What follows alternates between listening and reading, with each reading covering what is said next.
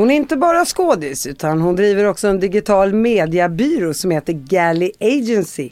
Välkommen hit Claudia Galli. Tack så mycket. Eller uttalar man ditt efternamn? Claudia Galli. Jag heter Ja. Concha också. Ja, du ser. Ja.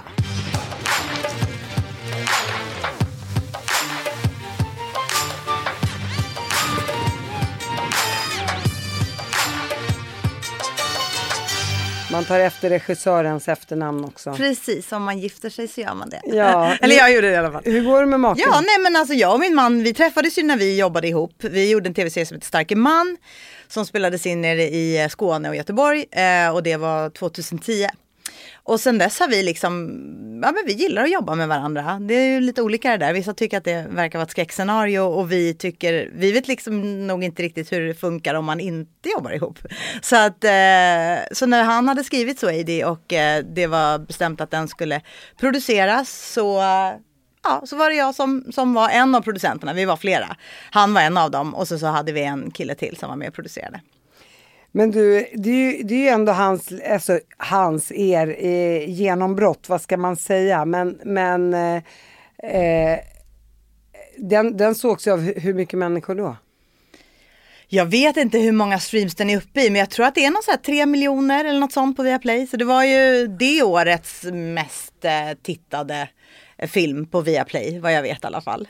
Och, och, och hur var det att liksom, du vet, ändå så här känna att man, man har ju inte de förväntningarna och så bara slår den rakt igenom. Men alltså jag hade, han hade kanske inte, han är nog mer ödmjuk. Jag hade nog förväntningar på att den skulle gå bra. För att jag vet, jag har läst otroligt, jag har ju liksom arbetat som skådis sedan jag var 14. Och jag har läst otroligt många manus. Och manus är ju, det är en konst att läsa manus på ett sätt. Därför att du måste se bortom en massa saker. Och du måste också lägga till begåvade skådespelare och sånt där i dialogen. Och, och också någonstans så litar man på att skådespelarna kommer göra sitt utav materialet och bla bla bla.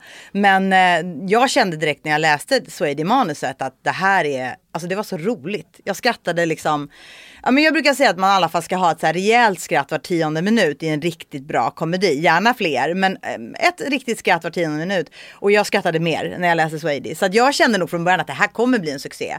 Men sen vet man ju aldrig, så det är klart att det är nervöst när man lägger ner, framförallt när man jobbar i par också, så lägger man ju verkligen ner hela sitt liv i det. Men, eh, men det gick ju bra. Han är så härlig Manuel. Han är Om ni fantastisk. undrar vad hennes man heter, Ja, Claudias precis. alltså. Ja. Eh, jag har ju haft honom i podden också. Och jag tittar ju på Swady, eller jag har sett filmen då. Jag är en av de där tre miljonerna. Ja. Och det är så roligt för vissa av de där grejerna är så spot on. Ja, Som när man inte blir bjuden på middag liksom. Ja. Och får sitta på rummet.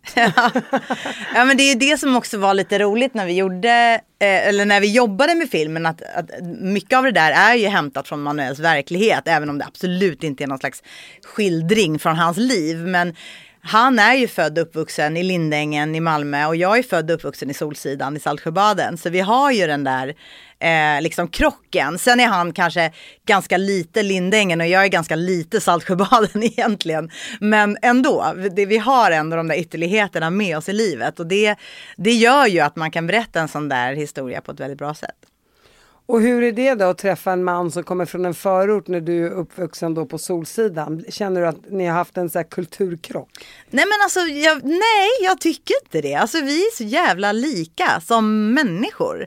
Och någonstans så är det ju människor som det handlar om. Man är ju liksom inte sin bakgrund eller sin uppväxt eller sina föräldrar eller sin omgivning. Alltså så man är ju den man är och jag tror att där är vi så otroligt lika och brinner för samma saker och värderar samma saker i livet och sådär. Så att jag, jag har aldrig riktigt känt den krocken. Sen kan vi ju ibland, jag vet när vi träffades, jag har ju, eh, min pappa är ju italienare eller var italienare, han lever tyvärr inte längre.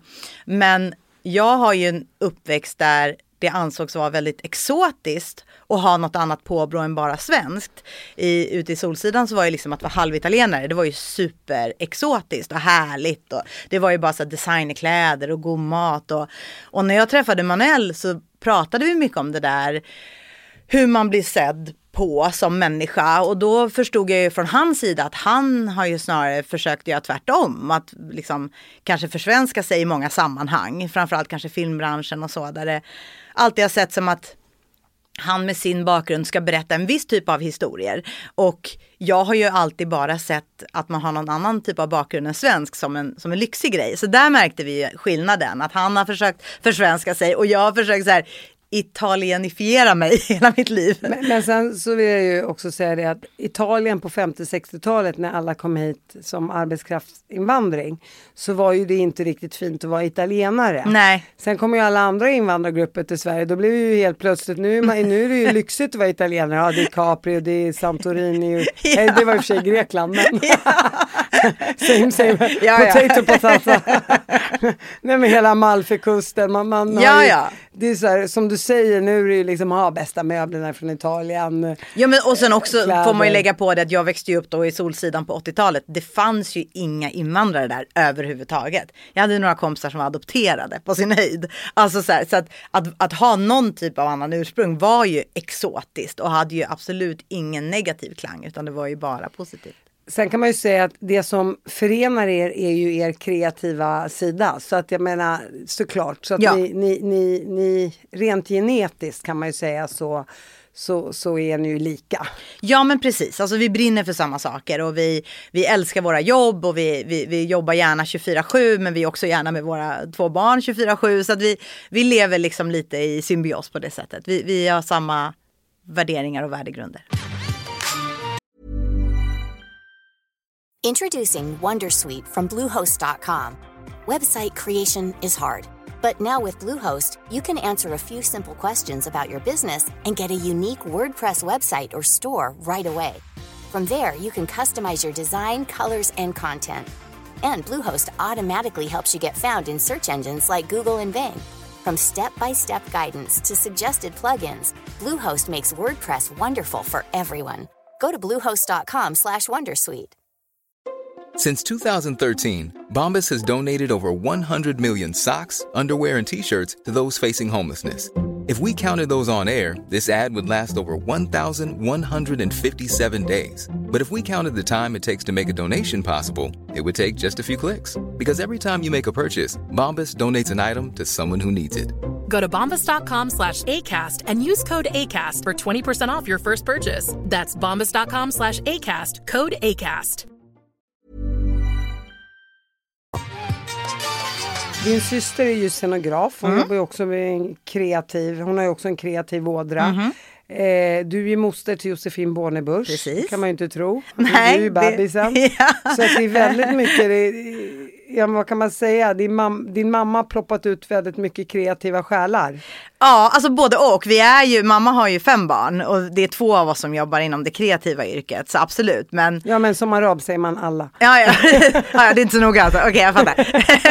ja, men då kör vi på det. Ja, nej men absolut. Vi har ju blivit väldigt eh, kreativa några av oss och även, eh, ja, Jossan har även en bror som skriver musik och sådär. Så att han, eh, eh, ja, jag vet inte riktigt vad det beror på. Jag vet att Sian har ju alltid varit min stora förebild när jag växte upp sådär som jag tittade ju mycket på henne, min syster då som är 20 år äldre. Jag tittade mycket på henne och såg att hon älskade verkligen sitt jobb. Och jag tyckte också att jag alltid kände som att hon typ inte jobbade. Och någonstans är ju det, då har man ju lyckats. Alltså när man jobbar och det inte känns som att man jobbar. Man suckar och stönar inte. Man liksom kan sitta och dricka kaffe och prata kreativa saker samtidigt. Jag bara, jag bara såg på hennes liv och tänkte så här, det där, det där ska jag göra. Jag hjälpte även henne ganska mycket på den eh, scenografsidan. Det var inte riktigt min grej dock. Det, Eh, det, det tror jag att det är. Ja, det hade väl också varit, men det, alltså, det var inte, inte, inte riktigt på samma sätt som hon. Jag, jag, hon, hon eh, klarar mer av att liksom ha ett hem fyllt av prylar mer än vad jag gör. Vilket man måste ha som scenograf, för du typ tar hem saker från inspelning som ska stå där i några månader tills det ska ut igen och sådär. Så att, ja. Ehm, men, men nej, absolut, kreativa har vi blivit.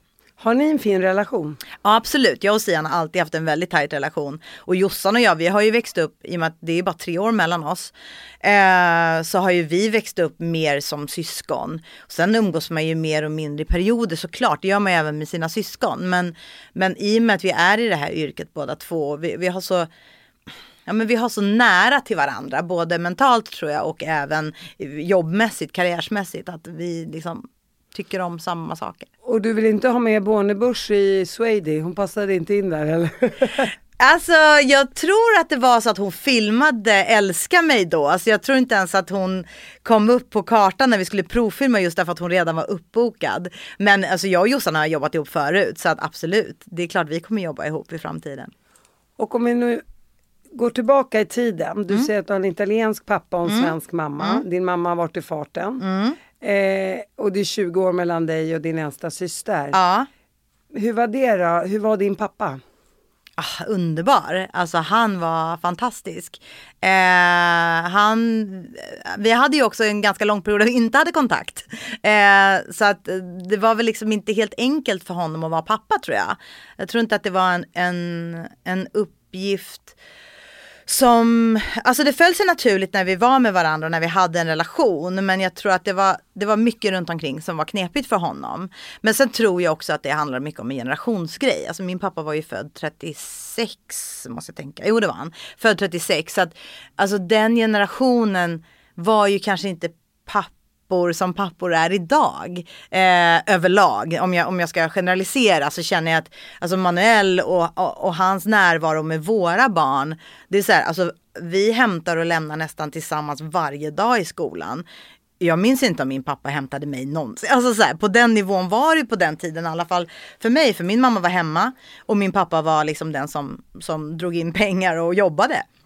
Så att jag, jag, jag tror att det var en generationsgrej men också eh, när mina föräldrar skildes så, så var det en ganska lång period där han och jag inte träffades. Så att jag tror att det var, det var kanske svårt för honom att dela med, liksom, med, med, med problem. Alltså svårt att ta de grejerna. Hur gammal var han när du föddes? Han var ju 42 när jag föddes. Och det var ju ganska gammalt på den tiden. Alltså så här, jag är född 78. Eh, idag på Östermalm så är det inte jättekonstigt att man får barn när man är över 40. Men de var ju absolut bland de äldsta bland mina kompisar. Så, där. så att de var inte snabbast på brännbollsplan om man säger så när det var brännboll i skolan. Nej men det är jag, jag är 45. ja du ser. Ja det är en ny generation som Ja, du säger. ja men det är det. Men hur gammal var du när dina föräldrar skilde sig? Eh, ja, men då var jag ganska gammal, det var 16. Okej. Ja. Och, och då flyttade din pappa tillbaka till Italien eller varför Nej, han flyttade, han flyttade, han bodde i Stockholm ett tag och sen så flyttade han till Göteborg. Och sen gifte han om sig i Göteborg. Med en kvinna. Och fick ett nytt barn. Nej, nej, nej, nej, nej. Nej, han träffade en kvinna som var lika gammal och det här var ju när han var 60 någonting. Så att nej, nej, nej. Du bara nej nej tack Inga fler barn. nej. Eh, men och, och varför tror du kontakten bröts och hur kommer det sig att ni har fått tillbaka den?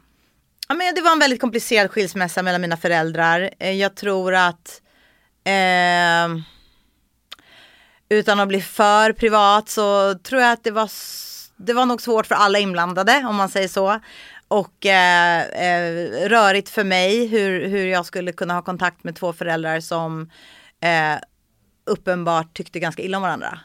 Ehm, Men inte det är ganska vanligt? Jo men det är det nog. Det är det nog. Men så blir man ju, tycker jag, ganska klok när man själv får barn och kanske ser eh, hur man skulle gjort annorlunda. Så är det ju. Eh, så är det. Men, eh, men som sagt, de tillhör en annan generation, kanske en annan typ av eh, erfarenhet och eh, kanske en annan typ av eh, kontakt emotionellt tänker jag med sig själva och med andra. Ja, för jag tänker nu är man så mycket matad med just där, om ni skiljer er då ska ni vara så här, ni ska inte blanda in barnen och det ena med det andra. Jag tror kanske att man har helt andra verktyg att jobba med idag än vad man hade för 30-40 år sedan. Eh, idag så går ju många till psykologer och i parterapi och man får liksom de här verktygen att- att jobba med. Och då kanske man skulle hantera det annorlunda tänker jag. Att vi är mycket mer upplysta idag Ja. om hur det skadar barnen om man, om man är elak mot varandra. Och tyvärr, jag vet inte om det är så men jag kan tänka mig då den här äldre generationen, de, är, de, de struntade i det utan de gick bara på sin egen känsla och de kände för den andra part, partnern. Men jag tror, jag har ju hört av så många liksom i min ålder som har haft en dålig relation med den ena eller andra föräldern att, och man kanske har bott kvar hos mamman att det, det, det värsta med det är att när man har sen blivit vuxen så här, satt, satte ner foten och bara, vet du, du har snackat så mycket skit om min pappa och han är min andra hälft, alltså rent genetiskt. Så det är ju lite som att snacka skit om mig. Och, och hade man haft de orden, alltså eh, ord på den känslan, så tror jag kanske att mamman eller pappan i det fallet hade förstått att så här, oj, ungen har ju rätt. Men det tar så många år att liksom komma ur den bubblan och se det med friska ögon så att säga. För att man är så jävla inpräntad med hur det är. Så man börjar ju tro på en sanning som kanske inte ens existerar. Absolut, Nej, men och så är det ju. Och sen blir det ju den man bor med. Kanske man springer den förälderns ärenden lite mer. Och, alltså det är alltså också så här, just i den åldern när man är 15-16. Man har ju fullt upp med att bara fan deala med vem man själv är. Utan de här föräldrarna. Det är ju då man börjar komma på att man faktiskt är en person utan sina föräldrar. Och då när föräldrarna eh, håller på så är det, blir det ju väldigt, väldigt snurrigt liksom. Så det var ganska många år där för mig som jag som det var ganska bökigt och sen som du sa så kanske det har kommit en liten backlash på äldre dagar eh, när man känner att, eh, att det liksom börjar Ja, men så här, det rullas ut framför en hur det kanske gick till och kanske saker som man själv hade velat ändra på. Men som sagt, man har inte, man har inte de orden i den åldern. Man har inte den kunskapen, man har inte vetskapen, man har inte modet att kanske våga lyssna på sig själv. Men det som du säger också tror jag att jag tror att idag så har vi Dels det här med verktyget att man faktiskt går och pratar. Jag menar, mina föräldrar är ju en generation där det var så här, gick man till psykolog så var man ju sjuk liksom i huvudet. Eh, på, på ett negativt sätt. Eh, och idag så är ju det lite så här, ja men det är klart man, man springer och pratar med någon. Alltså det är så här, man går till en PT, man har en PT för hjärnan, vilket jag tycker är superbra och verkligen någonting som jag, som jag själv, jag har ju gått i terapi sedan jag var 20 till och från liksom. Så att jag har ju verkligen utnyttjat den möjligheten att utvecklas på det sättet. Men, men jag tror också så här att det är, jag tror inte heller att man på den tiden, på det glada liksom 90-talet, visste hur påverkade barn blir och hur det följer med. Att så här, de där åren, det är inte som man kan liksom inte sudda bort det sen. Det som har hänt har hänt. Sen kan man förklara men man kan liksom inte försvara allting. Kan du gå tillbaka till din mamma eller pappa och eh, säga det här tyckte jag ni gjorde fel och, och jag har fått gå i terapi på grund av det här. Kan de förstå och lyssna in och be om ursäkt? Ja, nu lever ju inte min pappa längre. Han och jag hade ganska bra samtal om det. Eh, men sen är det väl så att det är inte alla människor som har så lätt att, att se sina egna fel och brister. Och, eh, och är det så, så så då är det inte så himla mycket att göra. Liksom. Man kan ha samtal men sen måste man också någonstans gå till sig själv och så här. Man måste alltid tänka varför. Alltså om man ska stånga så ska man ju någonstans, det, det, ska ske en förändring. Gör inte det så, så blir de där samtalen väldigt dränerande. Och då kan man ju ha samtal som ska liksom rensa upp ens, ens barndom och uppväxt för att man minsann ska ha det sagt. Men om man vet någonstans att det inte kommer landa hundraprocentigt då måste man tänka så här, men antingen gör det för min skull men man måste lägga bort alla förväntningar. Det finns ingen, ingen idé att ha förväntningar på resultatet. Eh, och det tror jag är viktigt att ta med sig. Och det, jag, vet, jag menar jag och många i, i min generation och kompisar till mig och vänner som har eh, ja, men som har haft liksom skilsmässor i sin eh, historia och så vidare. Som jag tror just tänker sig där, de vill göra upp med något slags förflutet. Och det tror jag alla kommer vilja. Det kommer, alltså så här, i, inget föräldraskap är någonsin perfekt. Eh, och det tror jag inte heller man ska sträva efter. Jag tror att man ska sträva efter att vara närvarande och inlyssnande. Eh, och inte vara perfekt. För att jag tror att ska man själv måla upp sig som en perfekt mamma, då sätter ju det också, alltså jag då tänker jag, om jag skulle måla upp mig själv inför mina barn som någon slags perfekt mamma, då sätter ju det, då är vi ju där igen, att vi sätter press på dem och hur de ska bli. Då är perfekt någonting som är liksom en målbild. Och det är det inte för mig, absolut inte. Mänsklig är en målbild för mig. Eh, men det tror jag också kanske är en sak som har förändrats mycket generationsmässigt. Liksom. Och sen försöker man väl man försöker väl kanske inte göra om de misstagen man anser att ens föräldrar gjorde.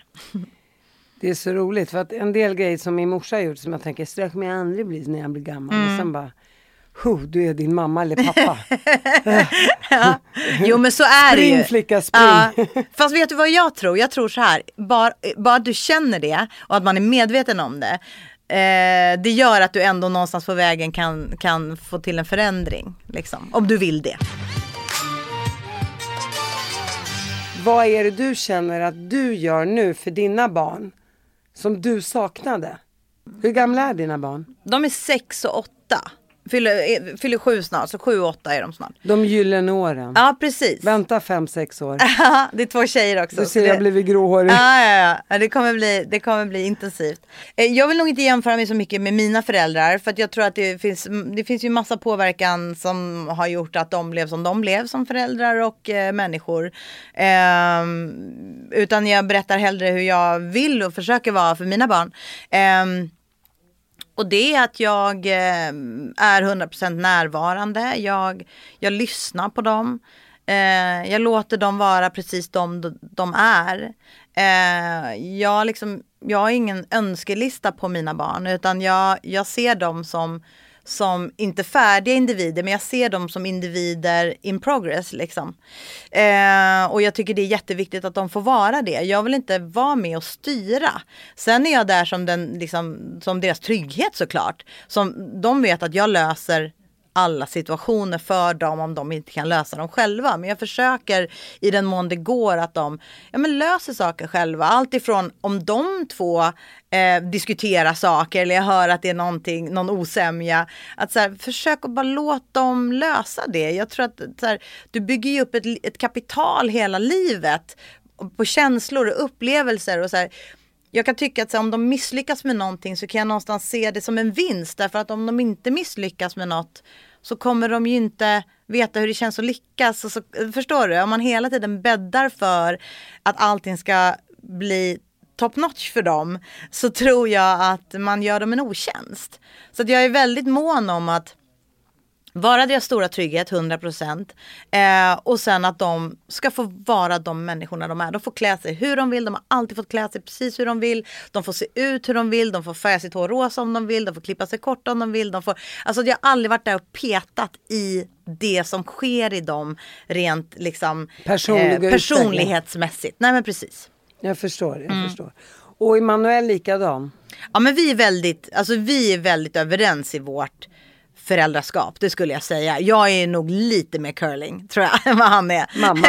ja, så att, men, men vi är ändå väldigt överens och vi har samma liksom, tankar och åsikter. Och vi vill inte att de håller på med för mycket aktiviteter när de är för små. Vi, så här, vi vill vara med dem efter skolan. Vi vill inte hålla på och köra runt dem på tusen olika grejer. Vi tänker att de kommer få intressen när det liksom kommer framtiden i alla fall.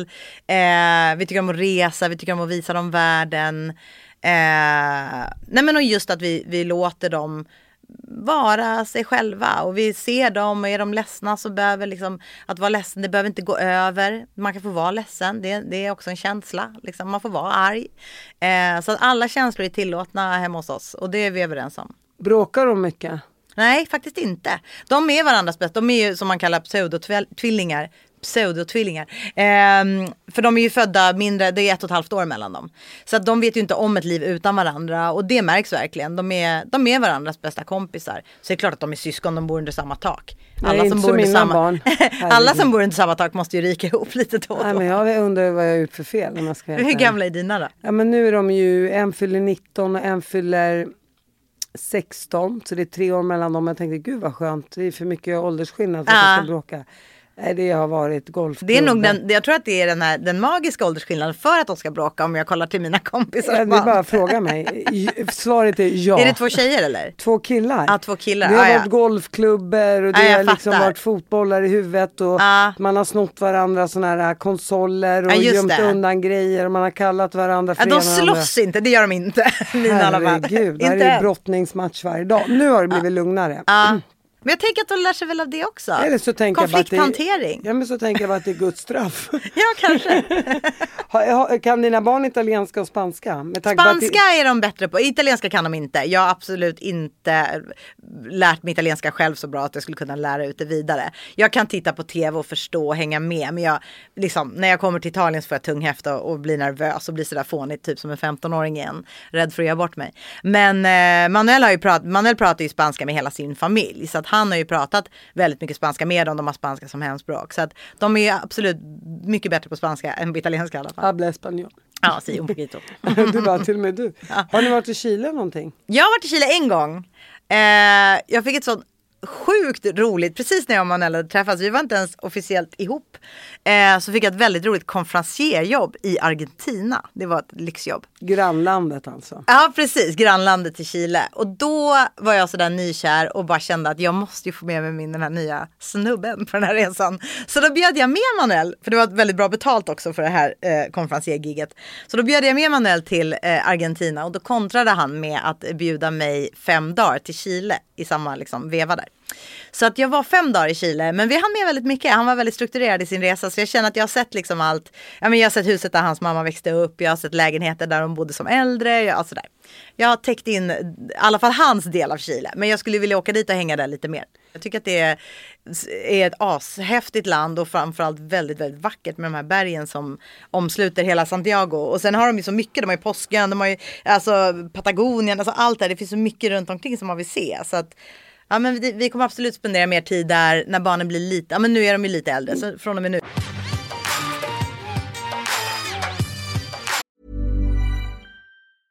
Introducing Wondersweet from Bluehost.com.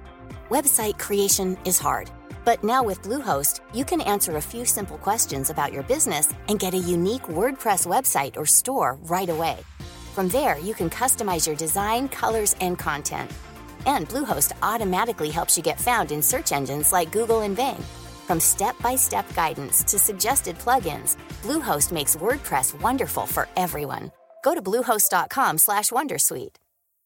Hey Dave. Yeah, Randy. Since we founded Bombus, we've always said our socks, underwear and t-shirts are super soft. Any new ideas? Maybe sublimely soft or disgustingly cozy. Wait, what? I got it. Bombus Absurdly comfortable essentials for yourself and for those facing homelessness. Because one purchased equals one donated. Wow, did we just write an ad? Yes. Bombas. Big comfort for everyone. Go to bombas.com slash ACAST and use code ACAST for 20% off your first purchase.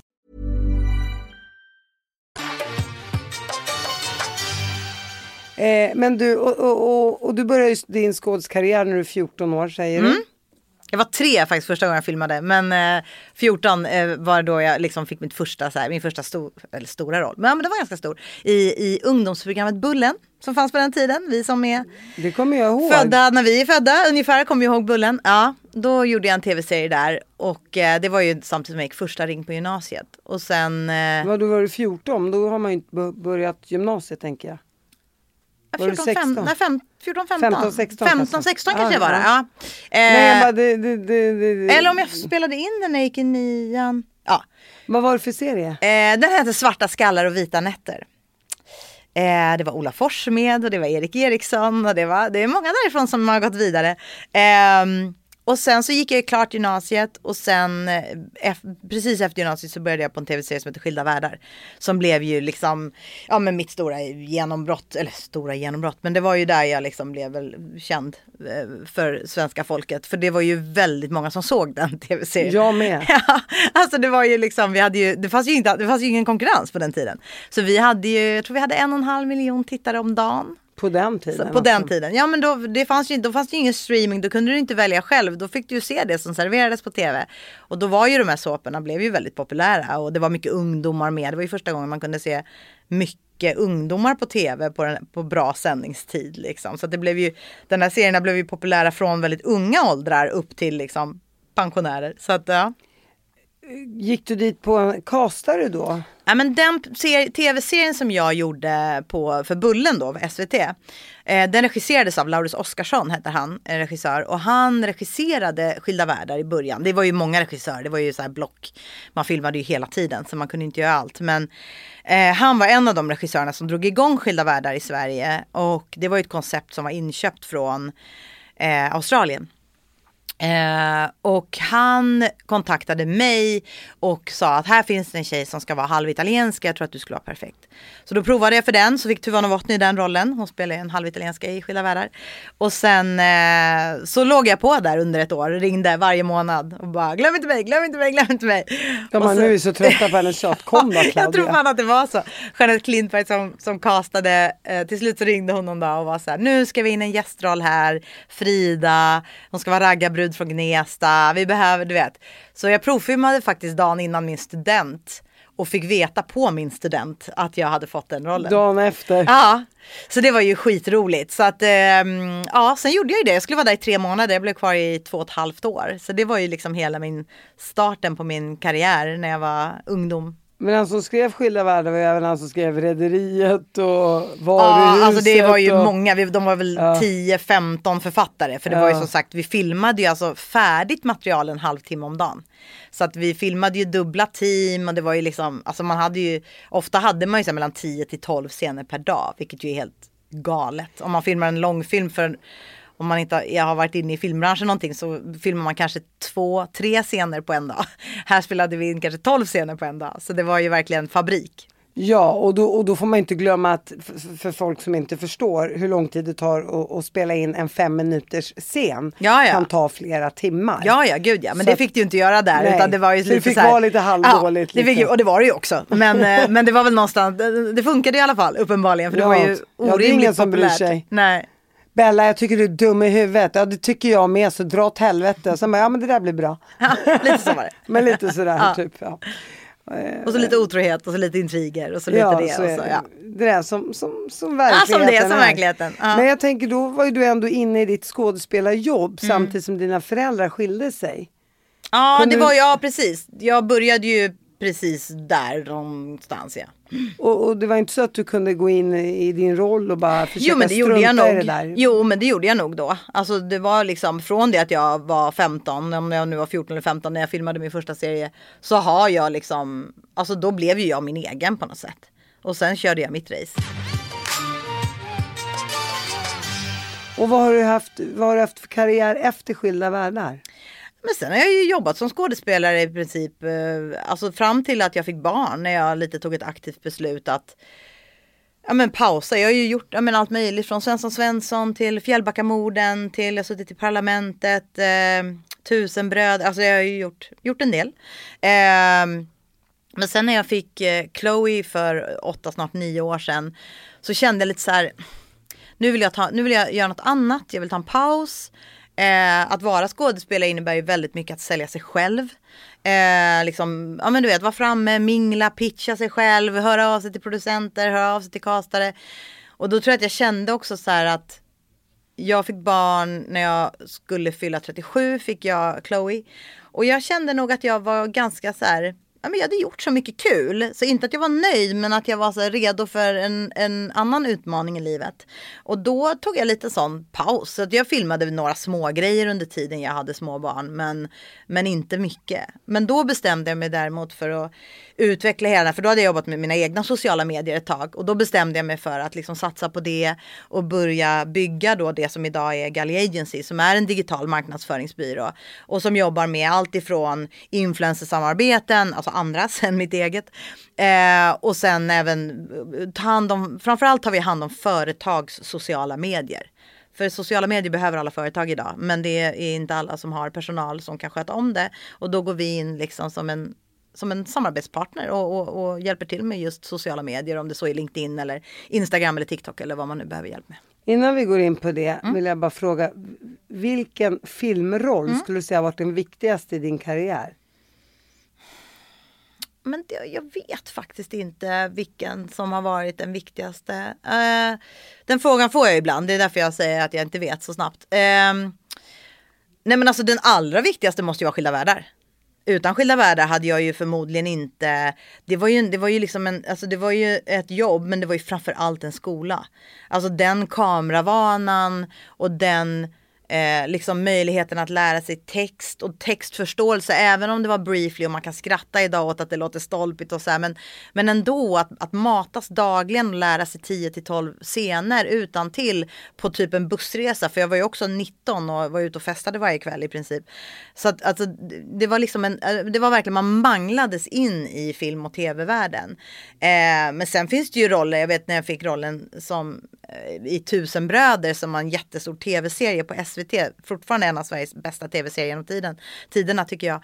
Eh, det var ju en sån här för mig själv att jag bara kände så här jävlar jag landade i den här rollen. Att komma ut från så här såpavärlden. När vi kom ut alla såpaskådisar så var vi ju så här. Vi var såpaskådisar och det skildes lite på de som gjorde SVT drama och de som gjorde såpa och så här. Vi var lite så här det var lite fult det vi höll på med. Men då, då landade en sån roll i SVT.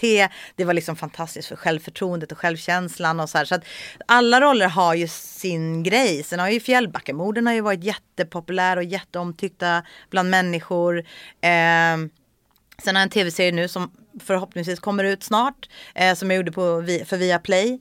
Eh, som också var en sån här roll, min första väldigt stora roll sen jag fick barn. Som var en sån här riktig drömroll. Så att alltså, alla roller har ju sin betydelse på något sätt. Men, men eh, jag hade ju nog inte varit där jag är idag om det inte hade varit för skilda världar. Jag tänker på Manuel allting och det, det, det, låter liksom eh, som att ni har ett väldigt bra liv. Ja den rollen var ju viktig annars hade jag inte träffat Nej. honom och haft två Var barn. Var träffade du honom Nej någonstans? men vi, han regisserade en tv-serie som heter Starke man. Som jag gjorde på SVT med Anders Jansson och eh, Anna Blomberg och Magnus Mark. Eh, otroligt rolig tv-serie om jag får säga det själv. Lite som en så här, lite trä i The Office. Eh, ja, och så var den, den rollen var, var det kärlek vid första ögonkastet? Alltså jag tyckte att han var rätt helt rätt snabbt alltså. Eh, så att från min sida var ja men jo men det var det nog. Om men, de ska ha. Ja, ja, lite så. Så att det, ja, men jag gillade honom väldigt väldigt snabbt. Fattade han det då?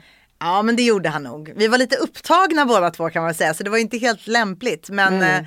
men så är det ju i livet. Det, alltså det där med kärlek och barn och sånt det är svårt att tajma det helt rätt. Så att alla ska bli nöjda.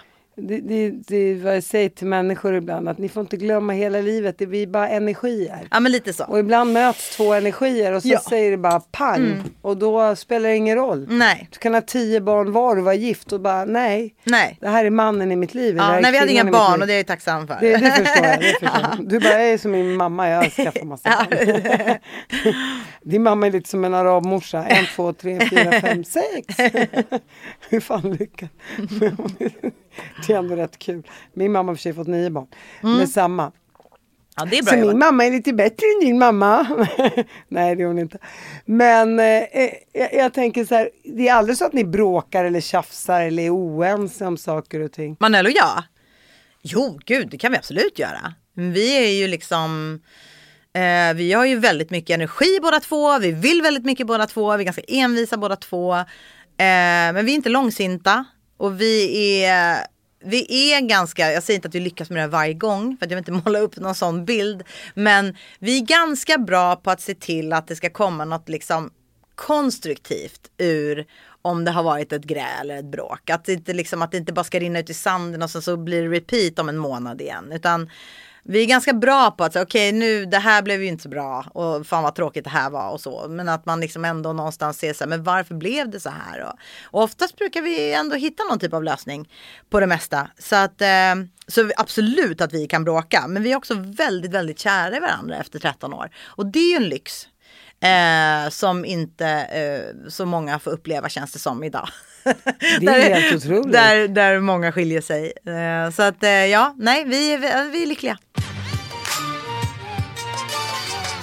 När startade du din eh, mediebyrå? Mm, ja men det är ett år sedan som vi liksom så skaffade kontor och det fick ett namn. Men det är klart att eh, hela min tanke och idén om det här har ju surrat i mitt huvud ganska länge. Och det kom ju från att jag själv började jobba ganska mycket som influencer parallellt med, med mitt skådespelaryrke. Och jag har alltid varit så fascinerad av den branschen. Alltså så här, hela den här, alltså att skapa content creation, att liksom filma den här friheten i skapandet som det verkligen är med sociala medier. Att du, så här, du är fri att skapa vad fan du vill.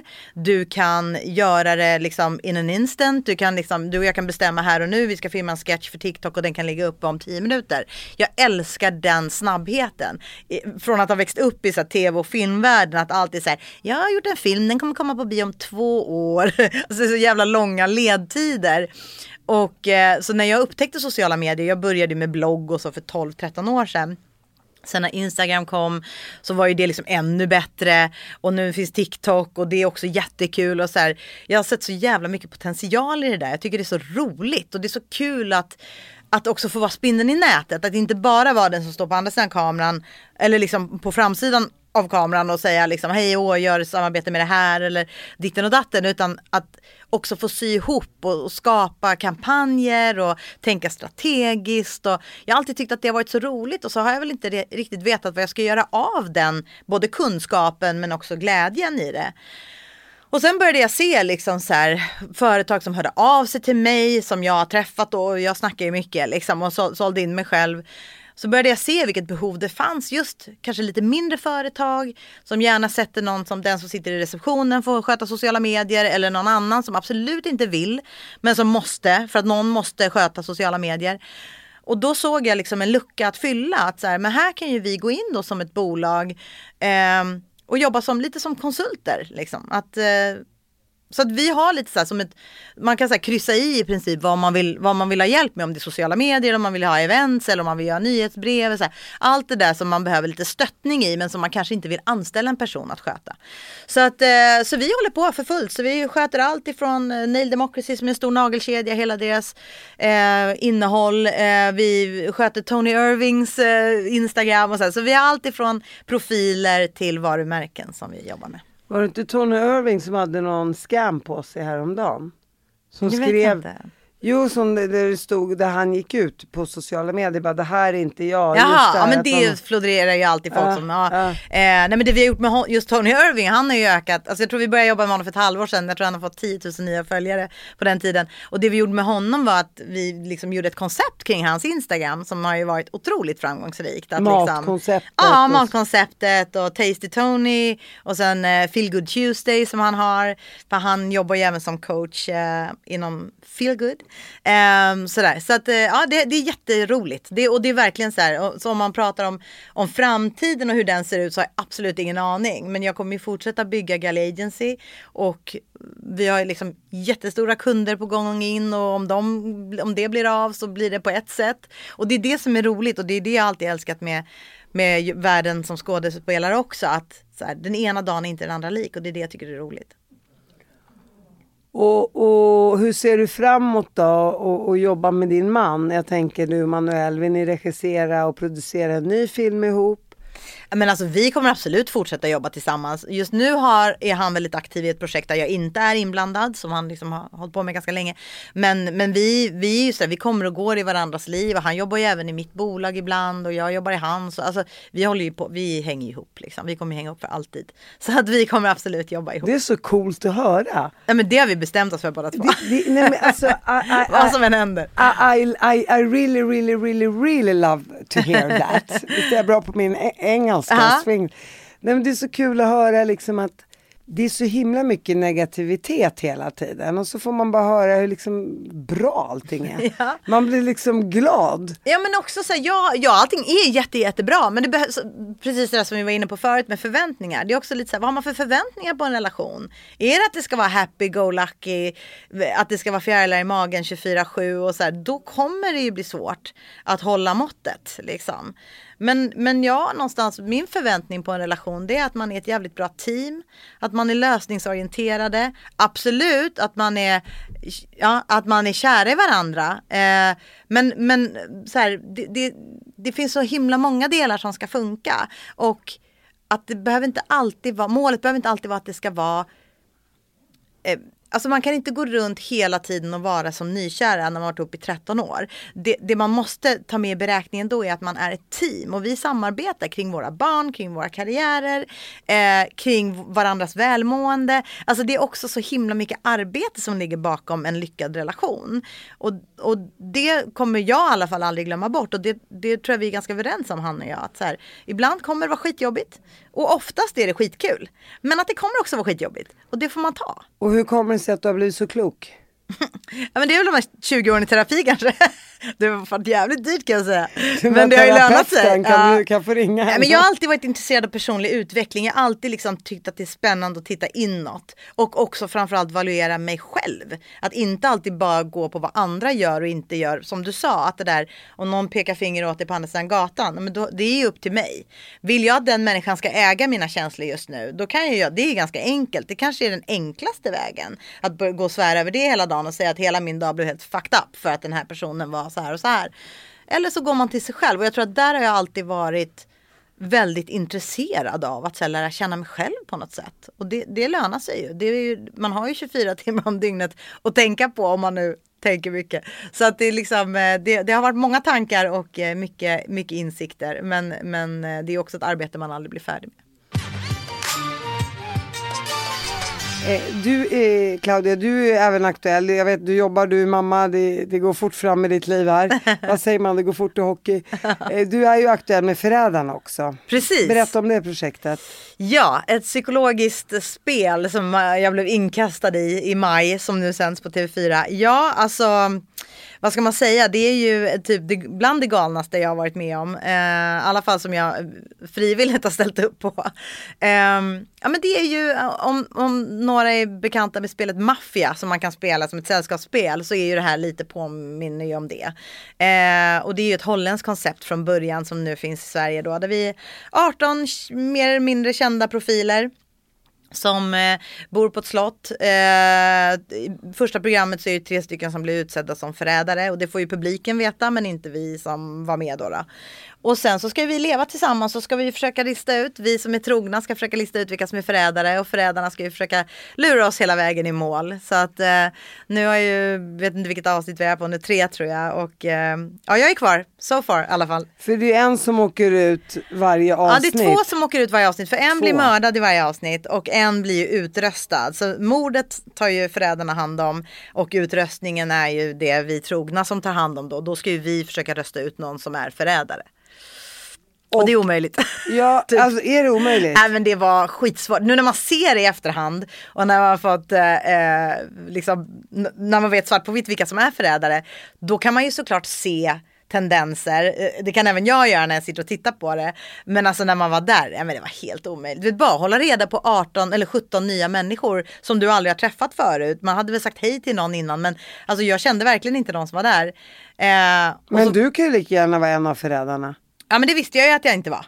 Alltså så här, man, får Ah. ju, man får ju de här rollerna. Ja. Eh, det, är, det är liksom en sittning vid ett runt bord och så är det Dragomir Mircic de Gago som är programledare. Och han går runt och lägger sin a- hand på tre personers axlar. Eh, och de tre är förrädarna. Så de vet ju direkt vilka de är. Men vi vet ju inte det. Och nu när man ser det i efterhand så kan man ju absolut se sig. Ja men hon är ju lite genomskinlig där eller han är lite. Men det var så fruktansvärt svårt att veta. Fast det där. är ju ett roligt spel. ju. Sjukt roligt spel. Och det, var, det är bland det roligaste jag har gjort i, i sån här underhållningsväg. Ja, men, men, men, men när, de, när han lägger sin hand på Mm. deras axel och får reda på att de är förrädarna. Det, det, är så, så att när ni kommer dit 18 eh, personer Mm. Så vet ni inte vad ni ska bli om ni blir Nej, förrädarna nej, eller icke förrädarna. Nej.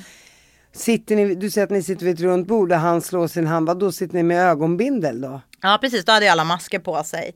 Så det var ju det som skedde Och, i första och, programmet. gick, och det gick inte att se vem som Nej, det var omöjligt. Alltså han gick ju, jag tror att han, alltså i tv så såg det ut som att han gick ett varv runt bordet och la sin hand på tre axlar. Och då kan man ju tycka, men gud man hörde väl var han stannade någonstans eller så här. Men alltså han gick säkert, om han gick kanske 15 varv. Alltså vi satt i 10 minuter tror jag med maskerna på oss. Men det blir, vadå, det blir inte så bra ni, tv. Hade ni snäckor i öronen? Nej, musik? nej, det var musik i, i lokalen. Liksom. Så han kunde lika gärna bara toucha en axel? Och det var det han gjorde. Så han, det var ju det enda, men det kände man ju då. Om man var där så kände man ju att han touchade en axel liksom. Men, eh, Och din axel touchades aldrig? Nej, absolut inte. Så att jag blev Åh, trogen. herregud. Så att, ja, nej, men det och, och vad gör ni i den här, eh, för Ja, men- det är det är ett dokusåpaprogram kan man ju Ja, säga. precis, det är ett tävlingsprogram Ja. liksom, med kända profiler. Eh, ja men det är ju då att alltså, hela, hela spelet går egentligen ut på att de trogna ska ta reda på vilka som är förrädare. För att om det är förrädare kvar i finalen så kommer förrädarna ta hem alla pengar. Och de här pengarna vinner vi som team, att vi jobbar tillsammans. Varje program har vi en utmaning och där är det liksom inte förrädare och trogna eftersom vi inte själva vet uppdelningen. Utan där jobbar vi alla tillsammans i team för att tjäna ihop till en pengapott som då någon sista programmet ska vinna. Ja men jag tänker då på förrädarna. Mm. För förrädarna vet ju inte om de andra förrädarna. Jo, det vet de. De träffas Ah. ju varje kväll och mördar någon. Aha, och vilka vill de mörda då? De vill det, det är ju allt möjligt. Får man nästan se programmet så förstår man ju upplägget. Men de vill ju, alltså, de vill ju ta ut sådana som kanske höjer sin röst för mycket. Som kan få ut, som, som kan vända blickarna mot dem själva. De vill ju liksom, de Så vill det gäller ju som en icke-förrädare att inte visa dem att man tror att de är förrädarna. Ja absolut och det var ju olika. Alla, alla spelade ju olika. Vissa höll sig under radarn just för det som du sa, att man liksom inte vill märkas. Vissa tog ju tillfället i akt och tänk, kände att nu vill jag verkligen visa att jag har- har dem på, på liksom, att jag är dem på spåret.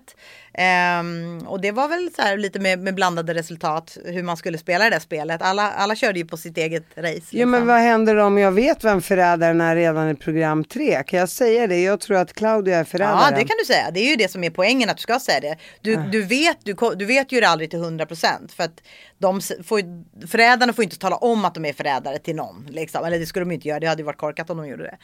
Eh, men alltså misstänker du att någon är förrädare, absolut. Då är det ju, det är ju, det är ju då, det är ju, det är ju den sittningen vi har i ett, eller varje program, de trogna, där vi har möjlighet att rösta ut en förrädare. Okej, och om man röstar fel då? Ja, då röstar man ut en trogen och det har ju hänt i de första tre programmen. Jaha. Så just nu röstar vi bara ut oss själva. Okej, så förrädarna sitter med er och försöker såklart rösta ut Mm. en trogen? Ah, Och få bort ögonen från sig själva såklart. ja. För de vill ju inte att deras namn ska börja tas upp för då får de ögon på sig och så under hela dagarna när man gör liksom, utmaningar och allt möjligt så har man ju koll på vissa personer. Liksom. Ha, har ni haft bra tittarsiffror? Jag tror det. Det känns som att det är ett väldigt populärt program. Men jag, jag har ingen koll på siffror, statistiken. Har du varit borta från barnen mycket när ni har bott på det här slottet? Spelningen var ju ungefär lite mindre än två veckor. Det är första gången jag var ifrån mina barn. Jag, jag var ju hemma, mamma i fem år ska ju tilläggas. Det är inte så vanligt eh, nu för tiden. Eh, och har ju aldrig sovit ifrån mitt yngsta barn förrän jag gjorde det här. Och då är hon eh, sju år. Och då var det Eh, bye bye. Nej, det och, nej men och då, så att det var ju, det var ju min, min största huvudbry när jag skulle gå in i Förrädarna. Att så här, det här kan bli nästan två veckors tid som jag ska vara borta från mina barn. Och det var ju skitjobbigt. Alltså det, det var ju nog den största psykologiska utmaningen för mig. Men, eh, men så här i efterhand så var det så värt det. Och också så här, jag menar jag är ju världens bästa man och de har världens bästa pappa. Så att det var inte som att det, de hade det tråkigt på något sätt. Jag tänker på Josefin Bornebusch här. Eh, har hon gett dig några kloka råd inom ditt yrke? Jag är ju tre år äldre än henne. Så, det är Så hon kan ta sig i brasan. nej, eh, nej men vi har väl alltid stöttat och pushat varandra och vi frågar ju varandra ständigt om Ja men om allt, om livet. Så här, absolut. Hon är, hon är ju en väldigt klok människa och det anser jag nog att jag är också. Så vi, vi är bra för varandra. Så ni, när ni slår era kloka huvuden ihop, då, Ja. då blir ni ju... Det är kanske är därför vi inte har jobbat så mycket med varandra, för vi, vi är så kloka på varsitt håll. Nej, ni blir, vad säger man, vad säger man på svenska? Ni blir helt oslagbara. ja precis, det kanske blir en sån klokhet overload. Så att, ja. Hälsa Manuel och tack snälla för att du kom hit. Tack för att jag fick komma. Tack, så härligt samtal. Tack.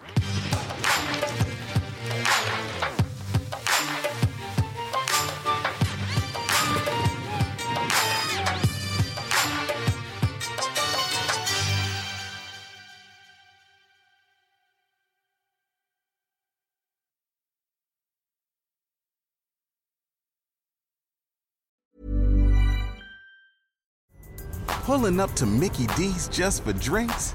Oh, yeah, that's me. Nothing extra, just perfection and a straw. Coming in hot for the coldest cups on the block. Because there are drinks, then there are drinks from McDonald's. Mix things up with any size lemonade or sweet tea for $1.49. Perfect with our classic fries. Price and participation may vary, cannot be combined with any other offer. Ba da ba ba ba.